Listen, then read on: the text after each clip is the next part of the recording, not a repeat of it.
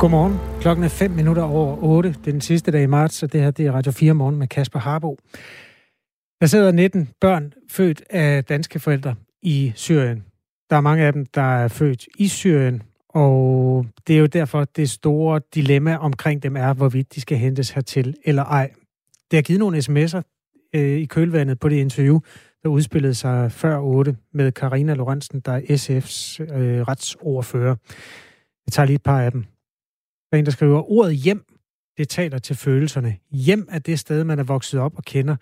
10 af de 19 børn er født i Syrien, og flere andre var så små, at de ikke længere husker Danmark. For dette flertal af børnene er Danmark et fremmed land, og de, der bruger ordet hjem, manipulerer med vores følelser. Derfor skal de måske til Danmark, men det er ikke hjem for dem. Pas på med det ord. Møderne har ikke noget at gøre her. Det er en gordisk knude, lyder en sms. Paul han skriver, at alle medier, også Radio 4, kører en massiv pro-hjemtagelseskampagne, men spørg befolkningen. Udråbstegn. Paul. Øh, citat slut. Og ja tak, befolkning. Det, skriv endelig ind. Vi vil meget gerne høre holdninger til det her spørgsmål. Mariem har også skrevet ind, de børn skal bare hjem, og forældrene skal retforfølges, hvis der er beviser om deres kamp for ISIS. Man skriver på 1424. Start beskeden med R4 og et mellemrum. Godmorgen, Nasser Carter. Godmorgen. Udenrigsordfører hos Konservative. Øhm, det store spørgsmål har jo hidtil været, skal børnene hjem fra Syrien? Venstrefløjen siger ja, højrefløjen siger nej. Nu skal det undersøges, om man kan hjemtage børnene, uden at det betyder, at man får møderne med. Hvorfor har I stemt for, for det? Jamen, vi har ikke noget imod at undersøge, om man kan hjælpe øh, nogle enkelte øh, børn. For det, der står i aftalepapiret, det er, man vil sende øh, en gruppe taskforce øh, for at øh, vurdere de enkelte tilfælde, de enkelte børn øh, hver for sig. Og så vil de komme hjem med en vurdering. Og så skal vi så se på det, og så træffe en øh, beslutning, om vi vil hjælpe de enkelte børn, de vurderer har brug øh, for hjælp. Vi har gjort det tidligere. Vi har tidligere hentet et spædbarn øh, uden forældre. Vi har hentet en 11-årig, der var hårdt såret, øh, og som var i kørestol. Hans forældre øh, gav øh, ham lov til at komme til Danmark og blive behandlet, og de blev i øh, Syrien. Så vi har hjulpet i enkelte tilfælde før. Og det, det var bare lidt nemmere, de to sager der, ikke? Fordi her kan man stå øh, i en tvangsfjernelsessituation. Jamen, vi skal ikke tvangsfjerne nogen. Øh, det hele skal bygge på frivillighed. Og okay. øh, det, vi har sagt ja til, det er, at man undersøger tingene. Man kan da ikke have noget imod, at tingene bliver undersøgt. Øh, så vi, vi sender en gruppe ned for at undersøge tingene, og så tager vi en øh, politisk beslutning derefter. Men øh, uanset hvad de kommer med, hvis det er en løsning, der omfatter forældrene, så siger vi nej, så vi glæder med i den aftale. Så det er ikke den finske model, hvor man sender en gruppe eksperter ned. De vurderer, og de beslutter så, og i visse tilfælde, der beslutter de, at møderne skulle hjem. Øh, den er vi ikke med på. Der er mange, det, der har holdninger til det her. Det kurdiske selvstyre har jo også øh, ytret sig. Mm. Og det kurdiske selvstyre kunne ifølge TV2 øh, klart afvise, at man var klar til, at børnene skulle til Danmark uden deres mødre. Mm. Hvordan er din holdning til ytringer fra det kurdiske selvstyre, som jo er et overherredømme for, for ja. de her lejre, som, hvor både børn og voksne befinder sig i? Jamen, det understreger også, at det er meget øh, kompliceret og vanskeligt, og det er ikke nemt.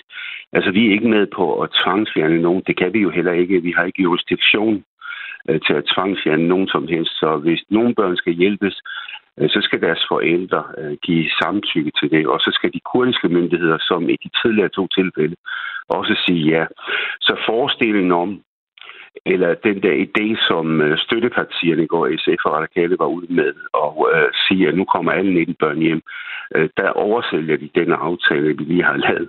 Øh, jeg tror ikke, at alle 19 børn øh, kommer hjem. Øh, jeg tror, der måske øh, der kommer en håndfuld af børn hjem, der har behov for hjælp. Øh, nogle af dem, man har sagt, er syge. Men det forudsætter, at forældrene, at de øh, garanteres, at forældrene ikke følger efter. Og det gør det meget, meget vanskeligt. Jeg kan ikke se en løsning for mig, men vi har ikke noget imod, at man undersøger tingene. Der er heller ikke øh, så mange andre, der kan se løsninger for. Jeg kan lige bringe et par mm. øh, citater fra juridiske eksperter. Øh, Frederik Våge, mm. professor i forvaltningsret ved Syddansk Universitet, mm. han siger, at øh, hvis det er meningen, den her taskforce skal hente børnene hjem uden deres mødre, så må man sige, de er sat på en meget svær opgave. Det vil kræve fuldt samtykke fra møderne, medmindre man skal ud i tvangsfjernelser. Og møderne ja. er ikke dømt for noget, påpeger han. Øh, han supplerer sig Eva Ersbøl, der er seniorforsker i Merita ved Institut for Menneskerettigheder.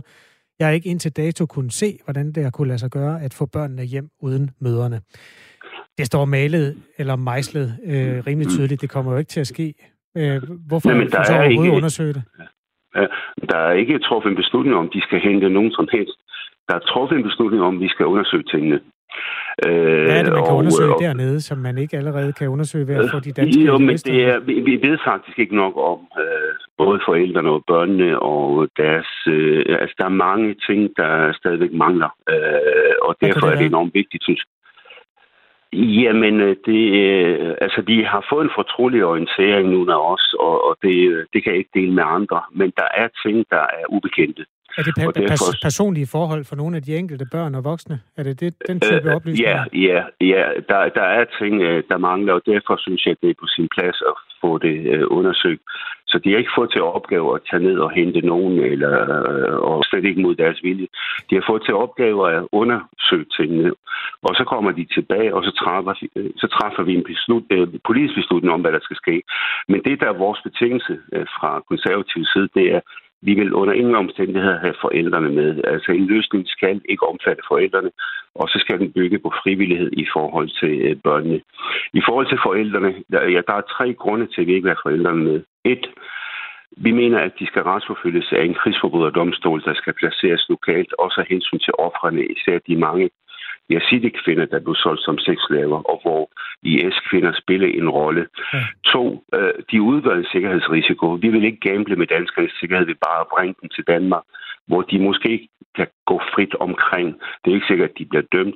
Øh, tre, det er også et signal til kalifattilhængere, fremtidige kalifattilhængere, for der kommer fremtidige kalifater, måske i. Afrika snart, det kan godt om at hvis I tager ned, ja. øh, så mister I altså alt, øh, og I, I får ikke lov til at vende tilbage. I, I har valgt en enkelt øh, billet til kalifatet og bordet fanger. Vi tager lige ja-nej-spørgsmålet. Nu må du, ja. du skal simpelthen svare med en stavelse her. Hvis, hvis den eneste måde, et barn kan komme tilbage til Danmark, uanset om der er nogle personlige forhold, der maler tingene op i en meget sympatisk farve, øh, det du er inde på, der kan være noget personligt osv. Men hvis den eneste måde, det her barn kan komme til, til Danmark på, er ved, at moren følger med, skal barnet så til Danmark? Nej. Tak fordi du var med, Nasser Carter. Det er i orden. Udenrigsordfører hos Konservative. Øhm, og ja, der er altså noget, som man skater til i øjeblikket, det der hedder den finske model. Den finske regering har overladt opgaven til en diplomat, som er civil embedsmand og forhandler på egen hånd med det kurdiske selvstyre, som regeringen særligt udsendte. Han kan enrådigt og uden politisk indblanding tage beslutninger om, hvilke statsborgere eller børn af finske statsborgere, der skal have hjælp til at komme hjem fra fangelejrene i Syrien. Så det er altså en af de mellemregninger, man også kan øh, vælge. Men i første omgang er der sendt en arbejdsgruppe ned for at undersøge lige præcis, hvad det er, der gør sig gældende for de her øh, mennesker, der er dernede. Det er 19 børn. 10 af dem er født på syrisk jord, og så er der 9 af dem, som altså er, er øh, født i Danmark. Og de mest øh, identificerbare af disse historier er altså nogle af dem, der også har optrådt i danske medier. Børn, der har gået i skole i Danmark, som er inde på. Så det er en meget broget skare, og det er også en af grundene til, at den her politiske debat er meget, meget lang. Klokken er 14 minutter over 8. Du hører Radio 4 morgen. Jeg ved ikke, om jeg lige skulle tage et par sms'er på den. Michael skriver, Børnene vil føle, at de har svigtet møderne, som de har efterladt, hvis de bliver sendt hjem selv med morens samtykke. Det vil medføre hævnmotiver på sigt over for Danmark, og helt sikkert en kæmpe risiko. Så det er alle eller ingen, desværre. Hvordan kan børn, der vokser op i Syrien, udgøre en risiko i Danmark om 20 år? Jeg forstår det ikke, skriver Michael. Øh, der var også øh, Kenneth, der skriver, befolkningen her, jeg siger, de skal hjem. Med venlig hilsen, Kenneth som altså øh, påpeger, at øh, ja, det var fordi, det blev sagt, at det skal lægges ud til befolkningen. Og det var det, jeg gjorde. Befolkningen svarer, de skal hjem. Det er i hvert fald kendens øh, del af befolkningen. Øh, Bjørn han skriver, der er forskel på aktivt at hjælpe danske statsborgere hjem og tillade dem indrejse. Det første behøver vi ikke, det andet kan vi ikke undgå. Er man statsborger, må man altid rejse ind i sit land. Børnene må kunne adopteres af mødernes familie hvis nogen sådan findes i Danmark. Så må møderne vælge, om deres børn skal blive i lejrene, eller de skal til Danmark i familiepleje, er et øh, løsningsforslag fra vores lytter Bjørn. Øh, Kaj fra København. De, der ikke vil underlægge sig den danske grundlov samt almindelig dansk lov, ret, sprog og kultur, har intet at gøre i Danmark. Kai fra København. Og han har sat små opdelingsstreger ind, så man kan læse København op i de tre stavelser, som ordet er delt op i. Det er meget service-minded og ressourceorienteret. Sendt til 1424. Tak for det. Klokken den er 16 minutter over 8.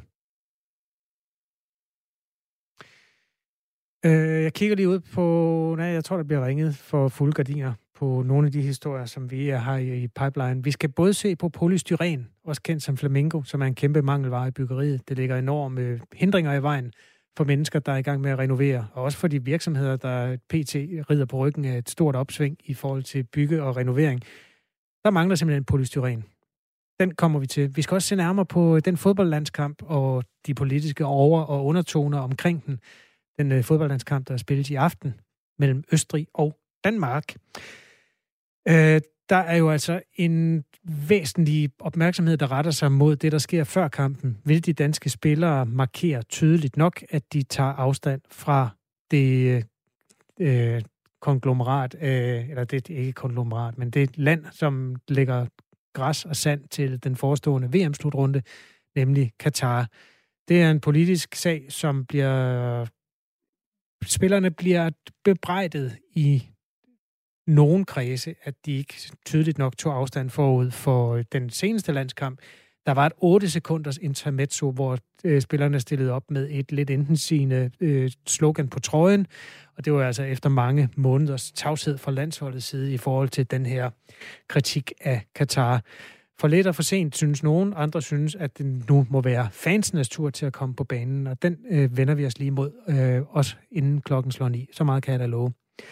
Lige nu der er klokken 17 minutter over 8. Jeg tror, jeg tager opdateringen også på coronaen. Det er jo altså en ting, der fylder nyhedsstrømmen, styrer nyhederne, og i den forstand er det væsentligt nok også at følge med i, hvordan genåbningen sætter aftryk på tallene her i Danmark. Det mest interessante tal at følge med i er, hvor mange mennesker, der er indlagt på danske sygehuse med corona. Og det tal, der kom i går, øh, fortalte historien om en stigning, som måske har sat sig lidt i antallet af indlagte. Tallet steg med, t, med 10 mennesker og er nu oppe på 226. Det er stadig langt fra det alarmerende øh, estimat, som blev lagt ud i forbindelse med genåbningsplanerne, at man ville risikere, at der var 870 indlagte midt i april på danske sygehuse. Det er der ikke. Øh, der er altså 226 nu her, hvor vi står på tærsklen til april. Men et tal, som har været stigende 3-4 dage i træk. Og det, der er det mest irriterende ved stigninger inden for corona, det er, at når først de kommer, så kan de nogle gange blive eksponentielle. Øh, 226 er altså indlagt på danske sygehuse i øjeblikket. Gudskelov meget langt fra de krisetal, som bliver nævnt fra andre europæiske lande i øjeblikket. Klokken er 18 minutter over 8.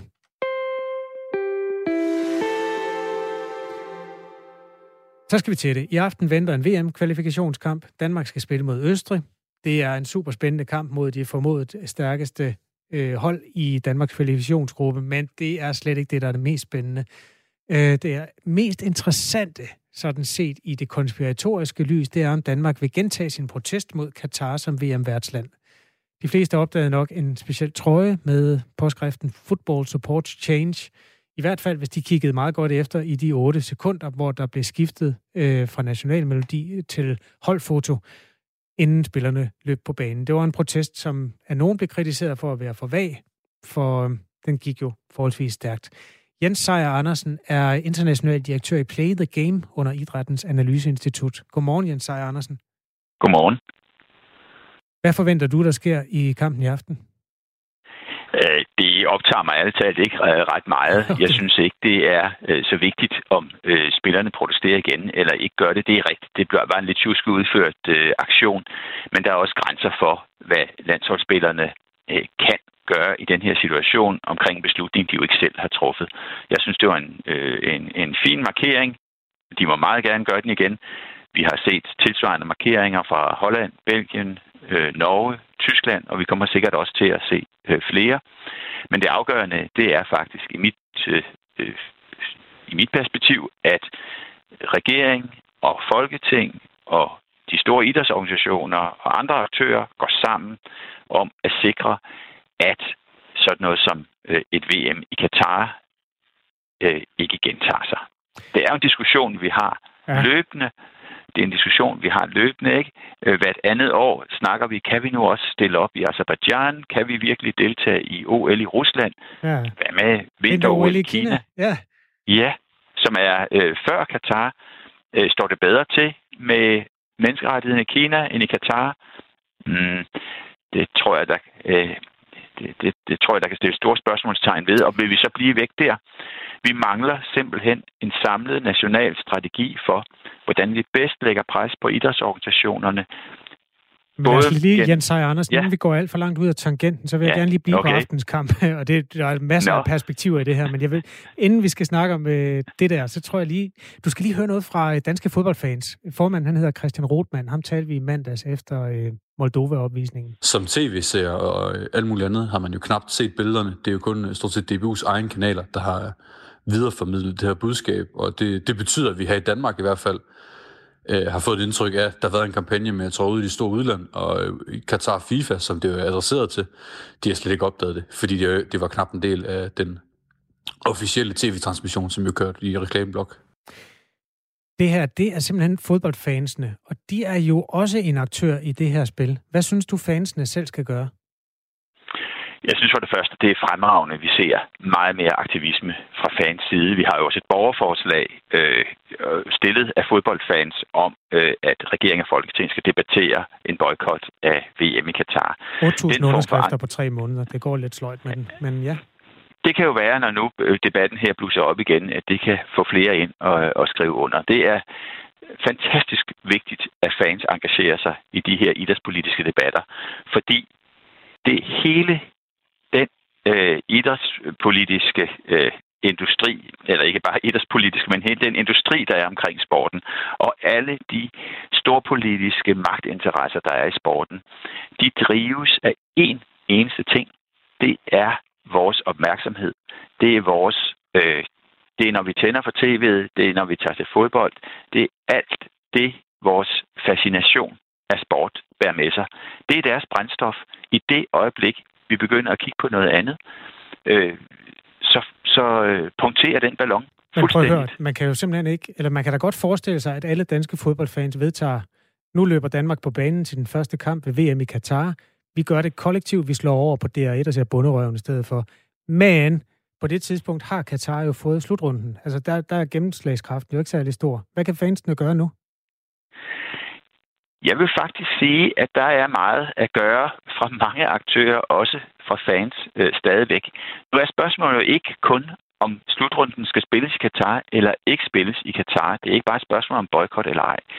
Men jeg kan love dig for, hvis bare 20 procent af tv-seerne og publikum i det hele taget forsvinder fra fodbolden, så er der nogen på de aller, i de allerøverste luftlag, der får der begynder virkelig at rynke panden. Men hvordan skal Fordi, de forsvinde? Skal de øh, droppe kvalifikationskampene? Er det den måde, man kan gøre det på så?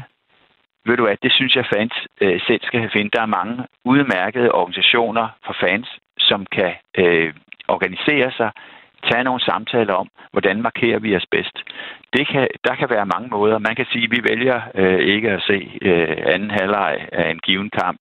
Der kan være øh, mange ting. Det, der er vigtigt, det er tydeligt. Man fortæller på forhånd, hvad man vil gøre, og så får man så mange muligt øh, med på det. Det, jeg bare siger, det er det stærkeste våben i hele den idrætspolitiske kamp. Kampen mod de autoritære stater, der prøver at stjæle idrætten øh, og, og dens værdier, det ligger på sofabordet derhjemme, og det er fjernbetjeningen. Tror du nogensinde, vi får en verden, hvor lande, som vi ikke har noget imod, de aldrig får slutrunder eller OL mere? Nej, det tror jeg bestemt ikke. Men vi tror heller ikke på, at doping forsvinder af sporten, og vi bekæmper det alligevel. Vi tror heller ikke på, at matchfixing forsvinder. Vi bekæmper det alligevel. Der er simpelthen nogle opgaver, vi er nødt til at tage på os, fordi ellers er det altså de forkerte kræfter, der regner øh, med alle værdierne. Og det ønsker vi ikke. Og jeg tror, der ligger nogle muligheder i at lave en national strategi for hele det her felt, øh, som faktisk kan skabe nogle fremskridt. Men den ideelle verden, den lader nok vente på sig. Okay. Så vi skal have fat i en folketingspolitiker. Har du, har du fat i skøderne, frakkeskøderne på nogen i det her? Det har jeg ikke, men øh, jeg har da her på Twitter i morgen set, at det indlæg, jeg har i, øh, i det interview, der er med mig i politikken i dag, det har Uffe Elbæk kommenteret øh, med, med øh, stor anerkendelse, og jeg er faktisk sikker på, nu har jeg jo talt med politikere gennem en del år, der er i det danske folketing en bred forståelse af, at vi skal passe godt på de demokratiske værdier, der er i dansk idræt, og vi skal også passe på, at vi ikke bliver rent over ende af den store verden. Så jeg tror, du kan finde mange folketingspolitikere, der godt vil være med til at tage en fornuftig debat om det her. Sagde Jens Sejer Andersen. Tak skal du have. Selv tak. International direktør i Play the Game under Idrættens Analyseinstitut. Og det er altså i aften, 20.45, at Danmark på udbanen skal møde Østrig. Klokken den er 4 minutter i halv ni. Jeg har tidligere på morgenen øh, bragt indslag om polystyren, som er bedst kendt under navnet flamingo. Et materiale, man blandt andet bruger til at isolere huse med. Og det store problem er, at det er næsten umuligt at skaffe polystyren i øjeblikket. Øh, de danske byggemarkeder melder udsolgt, og verden over er det simpelthen i restordre. Henrik Bisp er fagekspert inden for blandt andet byggeteknik hos det videnscenter, der hedder Bolius. Godmorgen. Så er vi dig med herhen. Henrik Bisp, kan du høre os? Kan I høre mig? Ja, tak. Godmorgen her. Øhm, Godmorgen. Hvorfor er der et mangel på flamingo lige pludselig? Altså polystyren? Altså, vi, vi har jo sådan set, øh, den, den seneste måneds tid har vi hørt sådan generelt om, om en, øh, altså prisstigninger på, på materialer, øh, grundet, vil man sige, øh, generelt, vil man sige, stor aktivitet øh, globalt set, sådan set, man sige, så, så, så ikke kun øh, polystyren, vil man sige, men også andre materialer, øh, har vi også godt, vil man sige, bemærket og hørt, vil man sige, at der er, er, er mangel på, vil man sige, og derfor, øh, vil man sige, mulige prisstigninger også. Øh, og det, det, det, det, det, det skyldes, vil man sige, ja, som sagt, en, en, øh, en, en stor global aktivitet, man sige, lige omkring polystyren, man sige, har jeg øh, snakket med en af de, de større producenter, øh, som siger ligesom, at, at der, der har været nogle, nogle uheldige sammentræf af nogle, øh, en, en, en stor producent i USA, en stor producent i, i Europa, øh, som ligesom har haft øh, produktionen nede. Øh, det, det påvirker markedet, øh, og så bliver der øh, opkøbt, øh, måske næsten hamstret, Øh, og, og det er ligesom det, at vi så mærker, at, øh, at, der, at det gør, at der kommer øh, mindre øh, polystyren til, til Danmark. Øh, så, så, så det er sådan kort fortalt i hvert fald, hvad, hvad jeg har hørt, der, der er årsagen til det. Det sagde altså Henrik Bisp, fagekspert inden for blandt andet byggeteknik. Tak for vurderingen her. Og altså for en gang skyld en historie, som så bare ikke er coronaens skyld. Er det rigtigt forstået? Altså, coronaen har jo nok kan lidt indvirkning i og med, at, at, at årsagen til, at byggemarkederne de ikke, de ikke får det, men sige, det er, øh, der, der bliver ligesom prioriteret de, de bestillinger, der allerede ligger på, på øh, på til, til de store byggerier øh, og, og så videre. Jamen, det, det er klart, de bliver prioriteret som, som det første, når i og med, der ligesom ligger en bestilling, og når, når leverandørerne får, for, for mindre materialer ind, så er det klart, at, at i stedet for så at køre det på lager i et byggemarked, så, så ryger det jo straks videre ud til et øh, byggeprojekt. Så, okay. Og, og med, med, en, øh, med en øget aktivitet øh, ude hos øh, her på Danmark, øh, jamen der, der er det så klart, at der, øh, der får de ikke den mulighed for at kunne køre ned i, i det lokale byggecenter og købe, øh, købe noget polystyren til der. Øh, projekt. Øh. Det sagde Henrik Bisp. Tak skal du have. Fagekspert inden for blandt andet byggeteknik. Vi skal lige nå at tale med en, der egentlig er herre fra Danmark, øh, nemlig David Veltom Schmidt. Godmorgen. Er ikke David med et eller andet sted? Jeg kigger lige ud på produceren. Nå. David? Prøv lige igen. David? Kan du høre mig? Ja, der var du. Godt. Øhm, det var godt. Grunden til, at vi har fat i dig igen, fordi du har tidligere fortalt, at du mangler polystyren for at komme videre med en uh, renovering i din drømmebolig. Og uh, ja, det er rigtigt. Der er en fyr, der hedder Dennis, der, der har skrevet ind til os. Prøv lige at høre. Jeg har nogle flamingo bats beregnet til at uh, sætte uden på væggen, uh, så man ikke får uh, fugt og ligesom man får en kold mur. Og hvordan får han fat i dem? Uh, jamen, uh, eventuelt så kan han prøve at uh, tage fat i mig. Så har jeg... Uh, Ja, det mener, jeg skulle bruge den her det sommer, men jeg kommer ikke til at, at, at bruge dem alligevel før til næste sommer. Og så kan jeg jo købe dem igen. Øh, så jeg er interesseret bare i at, at, at sælge dem. så nu øh, kan du simpelthen bare ringe til ham. Hvad siger du til det der? Ja, det lyder jo fantastisk. Det, øh, det er jo altid dejligt med folk, der, der gerne vil hjælpe andre. Vil du være god arbejdsløst? I får bare hinandens nummer, så må I tage den derfra. Tak skal du have. Du lytter til Radio 4 morgen. Klokken er halv ni.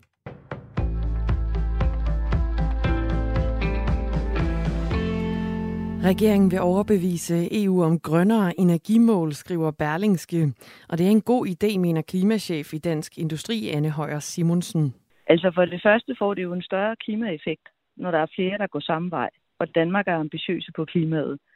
For det andet, så betyder det, at øh, de danske løsninger, vi har udviklet herhjemme, i højere grad bliver, bliver noget, der bliver brug for i andre lande. Sidst men ikke mindst, så kan det også hjælpe Danmark i vores grønne omstilling, at der er flere, der trækker samme vej. Til sommer skal Danmark mødes med resten af EU for at forhandle nye mål for energisektoren. Og her vil regeringen ifølge Berlingske forsøge at samle flertal for, at vedvarende energi skal udgøre 45 procent af EU's samlede energiforbrug i 2030, i stedet for de nuværende 32 procents målsætning. Samtidig mener regeringen, at energieffektiviteten skal øges til 40 procent. Lige nu er målet her mindst 32,5 procent inden 2030. Og energieffektiviteten måles på, hvor gode landene i EU er til at reducere deres energiforbrug. 44 procent af danskerne mener, at Danmark bør boykotte næste års VM i Katar, hvis fodboldlandsholdet kvalificerer sig til slutrunden. Det viser en meningsmåling foretaget af Megafon for TV2. 39 procent af de adspurgte i målingen mener, at landsholdet bør deltage, hvis det lykkedes at spille sig til en VM-plads, og de sidste 17 procent har ikke svaret, fremgår det af TV2 News. Tidligere på måneden viste en meningsmåling foretaget af Voxmeter for Ritzau nogenlunde samme modstand mod det omstridte VM, der har kostet flere tusind gæstearbejdere livet. I Voxmeter-målingen for tre uger siden svarede 44,4 procent ja til, at Danmark bør boykotte VM. DBU har gentagende gange slået fast, at man gennem kritisk dialog og tilstedeværelse i Katar forsøger at påvirke næste års VM-vært i en positiv retning, og en boykot er altså ikke på tale her. New York tilslutter sig 14 andre amerikanske delstater ved at legalisere brugen af cannabis. Begge lovgivende kamre i New York godkendte i går et lovforslag, der afkriminaliserer borgernes brug af cannabis. Delstatens demokratiske guvernør Andrew Cuomo skal underskrive forslaget, før det kan træde i kraft, og det ser han frem til. New York har en lang tradition for at være nationens progressive hovedstad, og denne vigtige lovgivning vil endnu en gang videreføre denne arv, siger han i en erklæring. Andrew Cuomo fremhæver også, at legaliseringen baner vej for en helt ny industri, som vil gavne økonomien og skabe mellem 30.000 og 60.000 nye arbejdspladser, lyder det.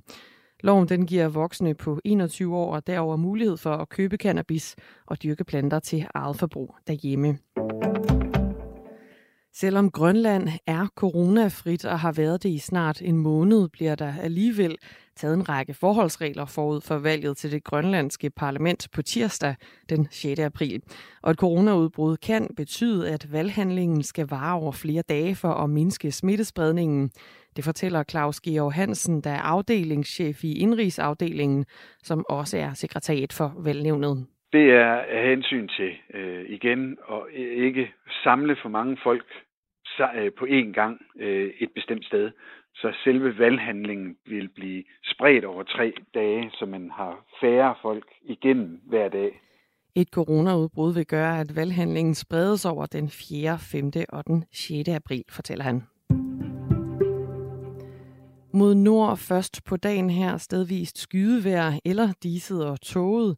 Ellers så bliver det tørt med nogen eller en del sol i dag, og temperaturerne de lander mellem 12 og 18 graders varme. Men ved kyster med pålandsvind lander den omkring de 10. Svag til jævn vind fra sydvest og vest. Det var nyhederne her på Radio 4 med Dagmar Eben Østergaard.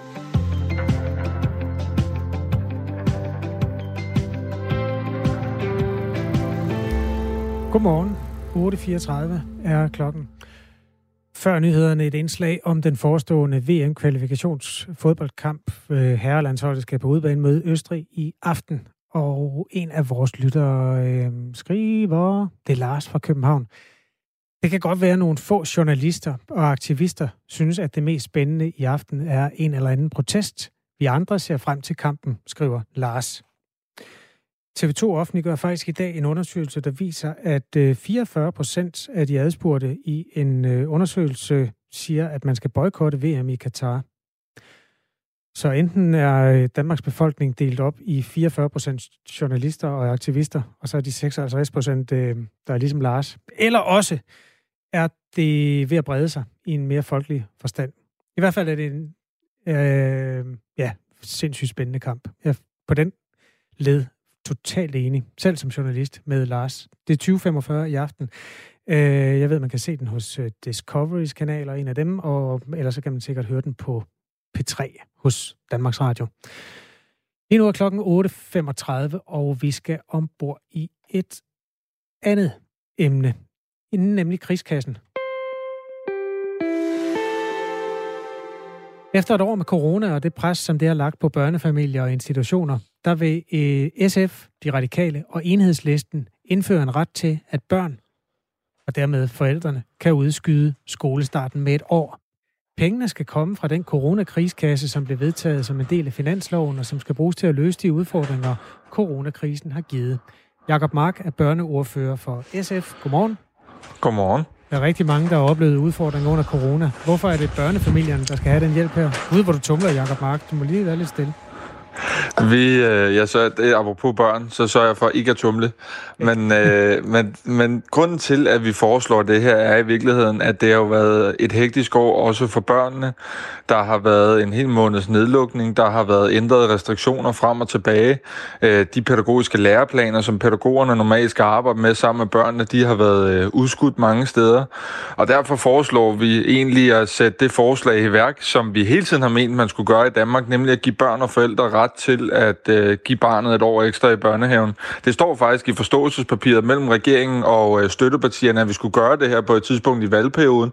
Og nu vil vi bruge, øh, ja, hvad kan man sige, coronaperioden til at samle op og sige, lige her er det da mere aktuelt end nogensinde før, at børn får et år ekstra i børnehaven, hvis de har brug for det.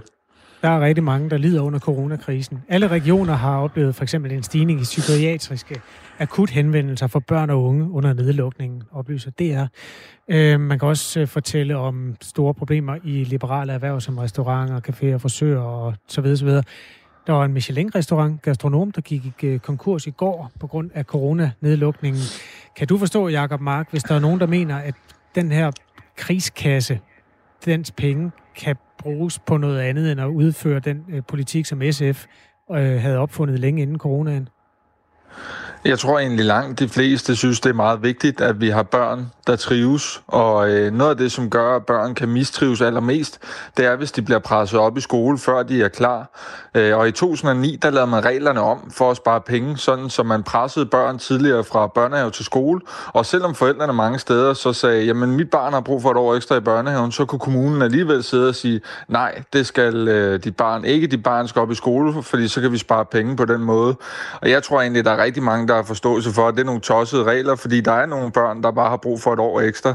Og ja. i øvrigt, så tror jeg ikke, det bliver så dyrt, øh, som, øh, som Finansministeriet selv tror. Jeg tror, man finder gode løsninger ude lokalt. Man har allerede gjort det her i Aarhus. Det har ikke medført en, en, en særlig ekstra regning. Prøv lige at sige, hvad det kommer skal... til at koste, Jacob Mark. sådan Jamen, det, det, det, det er umuligt at sige, fordi det vil jo komme helt an på, hvor mange, der vælger at benytte sig af den her ordning. En milliard om året, nu siger jeg bare til. Nej, nej, slet ikke. Altså, det Finansministeriet regner med, det vil være, at det er maksimalt 200 millioner.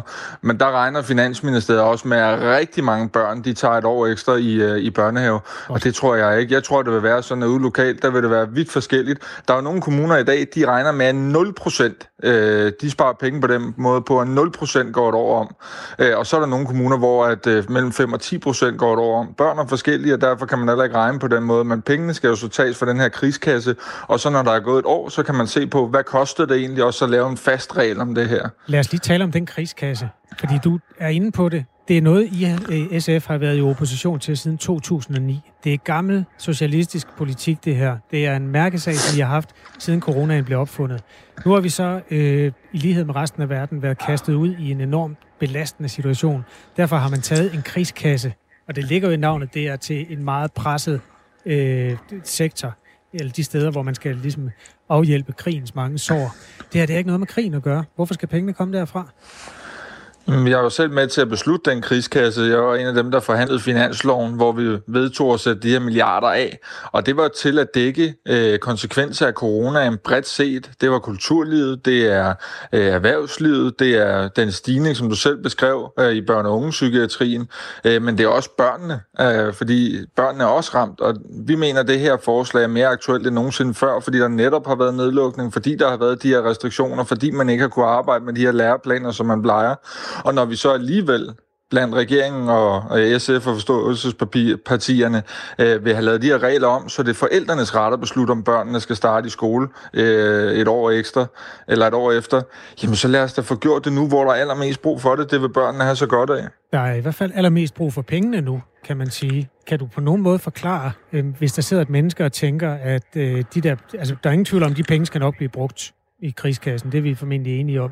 Så der bliver en eller anden form for territorial kamp om, hvilke felter de skal bruges på. Hvordan kan du tage noget, der er en gammel mærkesag for jer, og pludselig gøre det til en del af den aktuelle krigskasse? Fordi at den mærkesag er mere aktuel end nogensinde før. Altså, vi kan se, at de tal, der er for børns mistrivsel, er værre, end de har været i mange år på grund af corona. Øh, du har selv lige beskrevet indlæggelserne af børne- og ungepsykiatrien er værre end i mange år. Der er sket noget interessant, synes jeg, øh, men også lidt uhyggeligt, da vi åbnede efterskolerne igen. Der havde de unge jo stået og hamret på døren for at komme afsted igen.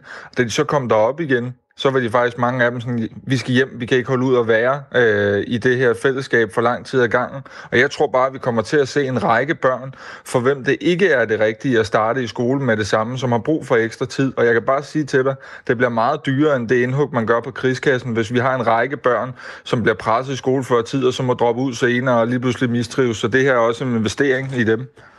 Hvor lineær er den sammenhæng, som du beskriver der? Altså, at øh, børn de kommer et år eller et halvt år for tidligt i folkeskolen, øh, og de så, nu beskriver du så de problemer, som de har i 8. og 9. klasse, ved at vende tilbage på en efterskole efter en coronanedlukning.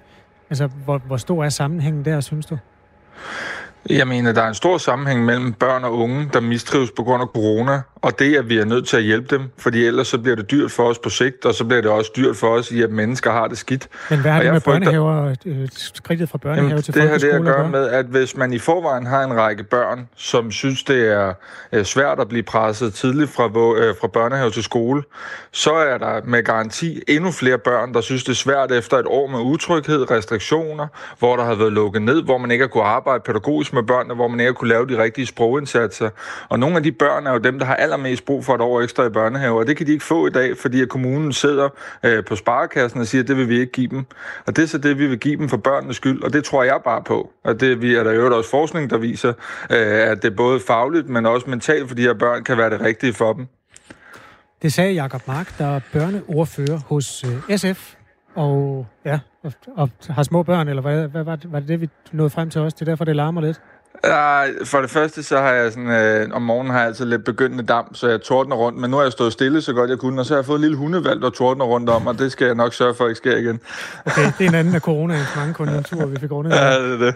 Tak fordi du var med her, Jakob Mark. Ja, så tak. Børneordfører hos Socialistisk Folkeparti. Ja, husk at skrive ind, hvis du øh, har følelser i klemme i nogle af de historier, der udspiller sig i de her øh, nyhedsprogrammer. Der er flere, der relaterer sig til historien om aftenens VM-kvalifikationskamp i fodbold, og jeg tror lige, jeg vil vende tilbage til den.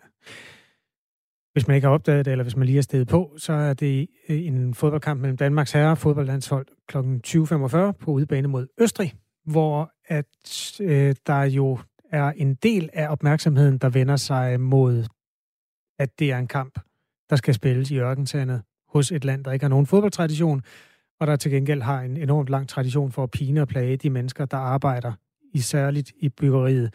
Tusindvis er allerede døde øh, ved opførelsen af de mange stadion, som skulle laves til VM-slutrunden næste år. Det var der, øh, en lytter meldte ind, at han var mega ligeglad med alt det politiske. Han vil bare se noget bold. Og nu er der kommet en til, der skriver, Jeg er en af de lyttere, der er ligeglad med jeres ligegyldige fodbold, men jeg går meget op i menneskeliv. Der er ikke noget mere ligegyldigt end fodbold desuden. Hvem gider høre en time om afrikansk klubfodbold? Citat slut. Det gad jeg nu faktisk godt, hvis det var interessant. Øh, mm, Goddag, skriver Daniel. Det er tragisk, at øh, Katar misbruger folks nød. Vi skal naturligvis præge verden positivt. Jeg vil nødig være djævelens advokat, men hvad var alternativet for de gæstearbejdere? Var det sult? Eller lige så dårlige arbejdsforhold andre steder? Det er jo kun på grund af VM, at vi i vores smørhul pludselig har en mening om Katars manglende regler for arbejdere. Det er lidt patetisk, at vi nu vil sætte fokus på et problem, som hverken er nyt eller isoleret til Katar, skriver Daniel. Øh, og tak for det. Meget fin lille perspektiverende sms. Det var en uge, hvor vi har talt meget om Suezkanalen. Jeg var inde og læse på, hvor mange der var døde, dengang den begravede ud. Øh, der nåede man vist op på 120.000 arbejdere, der mistede livet i den tid, det tog at grave de der 160 km rende. Sådan er det mange steder i verden, men derfor kan man jo godt sætte fokus på det. Det er i hvert fald det, landsholdet med nogen sandsynlighed vil gøre, stort eller småt, i aften. Lige nu er klokken 8.45.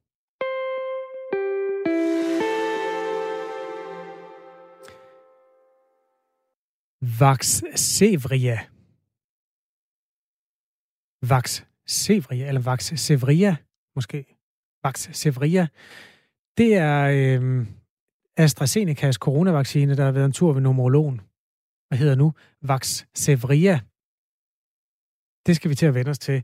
Frederik Prejsler er branding-ekspert og partner ved kommunikationsbyrået Mensch. Godmorgen. Godmorgen.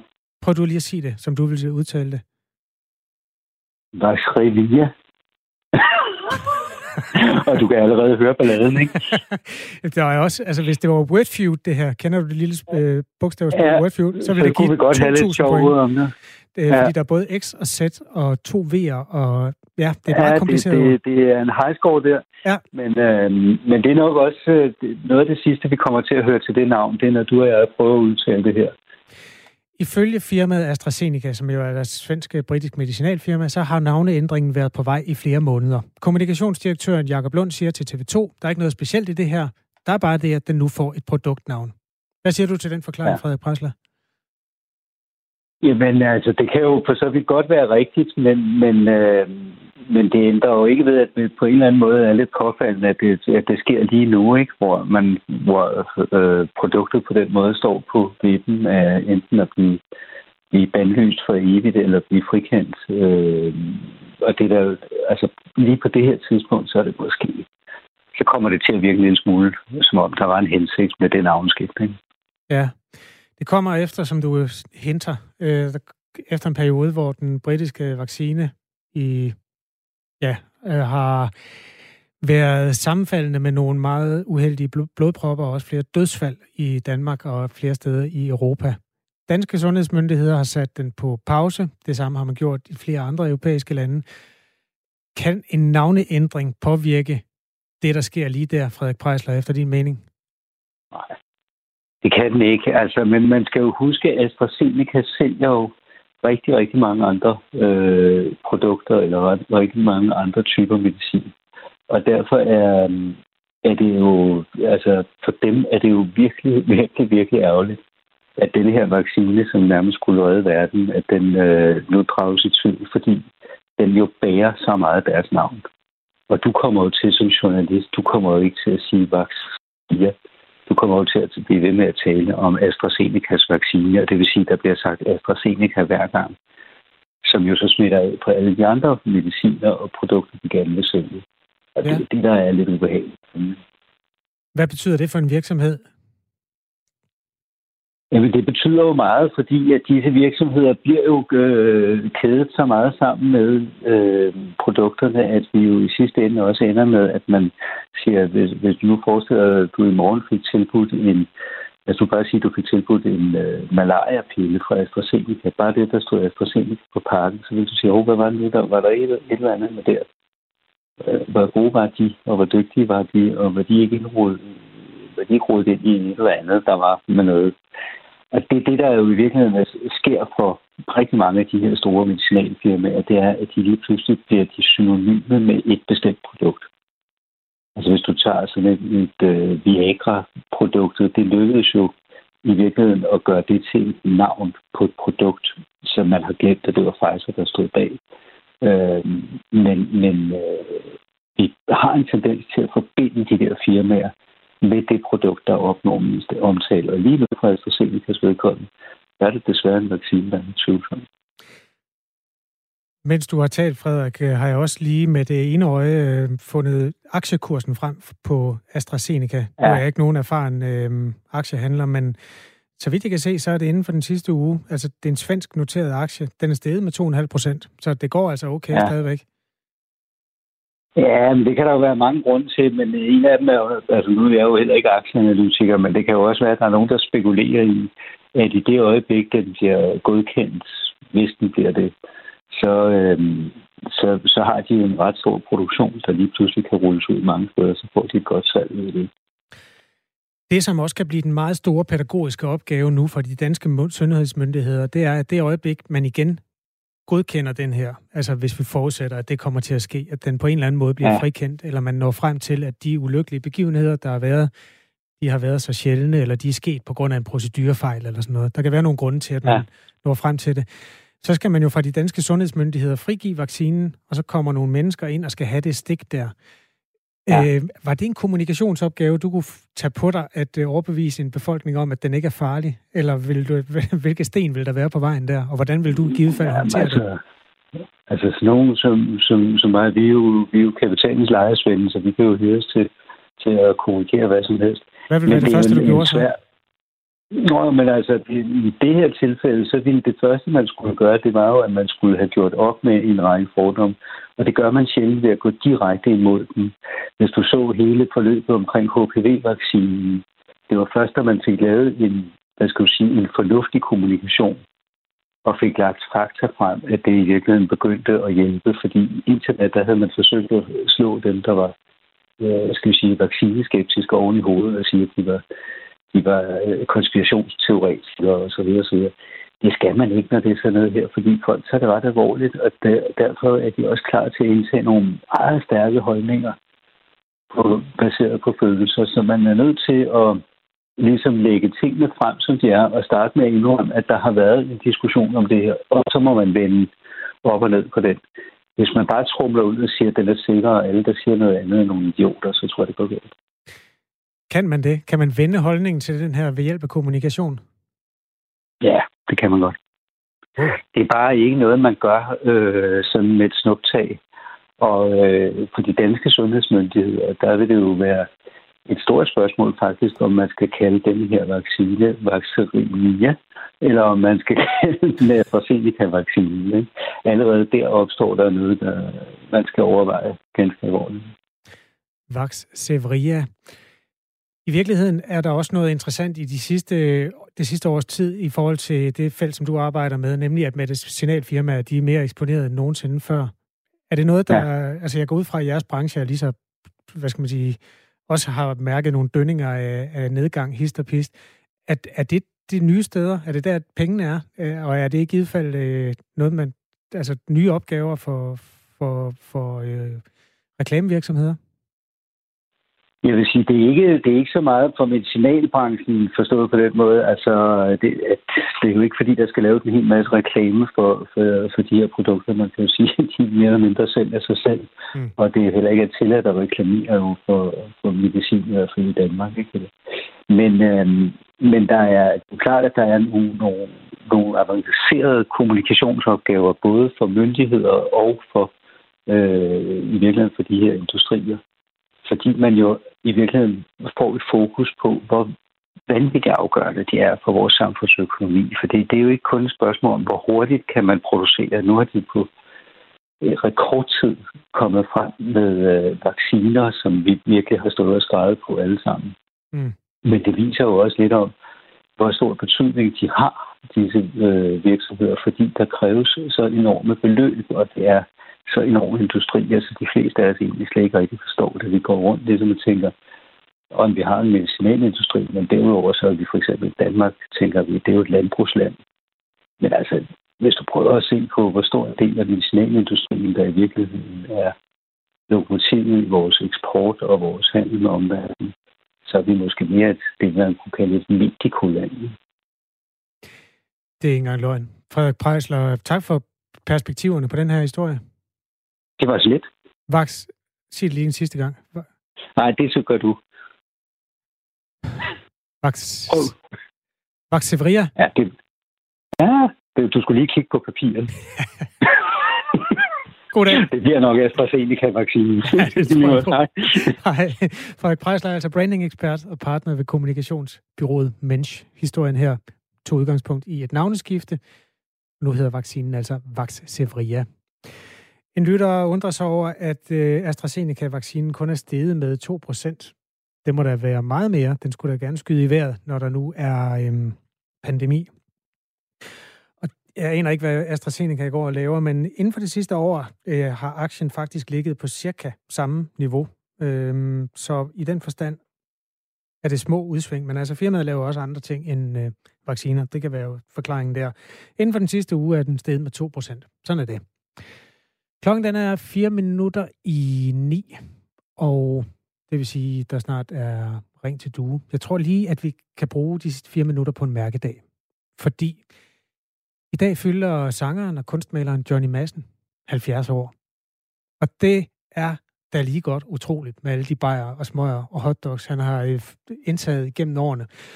Og der vil andre så sikkert sige, at det er jo ikke så mærkeligt, fordi han kommer fra den del af landet, hvor det altid blæser, og der skal planterne være stærke for at blive stående. Johnny Madsen han blev født i Tyborøn for 70 år siden.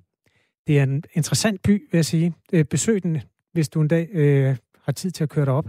Det, det er en endestation, og det er lige der, hvor Limfjorden løber ud i Vesterhavet. På en lille vej, der engang hed Tværvej, der blev Johnny Madsen født, og nu hedder den som end Johnny Madsens Vej. Jeg synes, han er en øh, fantastisk sangskriver. Hans lyrik er ofte totalt volapyk. På samme måde som hans malerier er det sådan meget øh, grove penselstrøg, men ligesom det også er med abstrakte malerier, så kan teksterne sådan nogle gange springe frem, ligesom motivet kan, når man kigger længe på et maleri, og man lige giver den ro. Og jeg kom til at tænke på en af Johnny Massens sange forleden. Den passer rigtig godt ind i vores tid, øh, hvor vi smider slavehandlerstatuerne i havnen, og ispindene skifter navn, og Ekstrabladet lukker for det vanvidsforum, der hedder Nationen. Den her sang, den hedder Vinden vender og renser byens gader. Når savner sin skygge Når den slidte by står brudt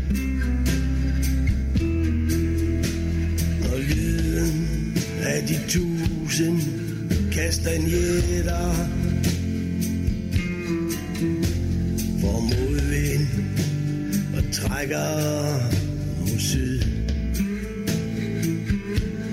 Så vinder vinden og renser byens gader.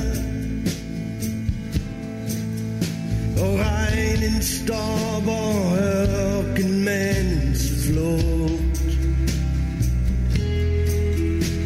fuglekongen bjeffer Og savner sin slægt Og vinen vinder renser byens gader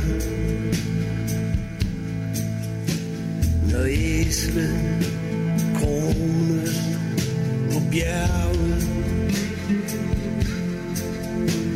Og tanken Yeah.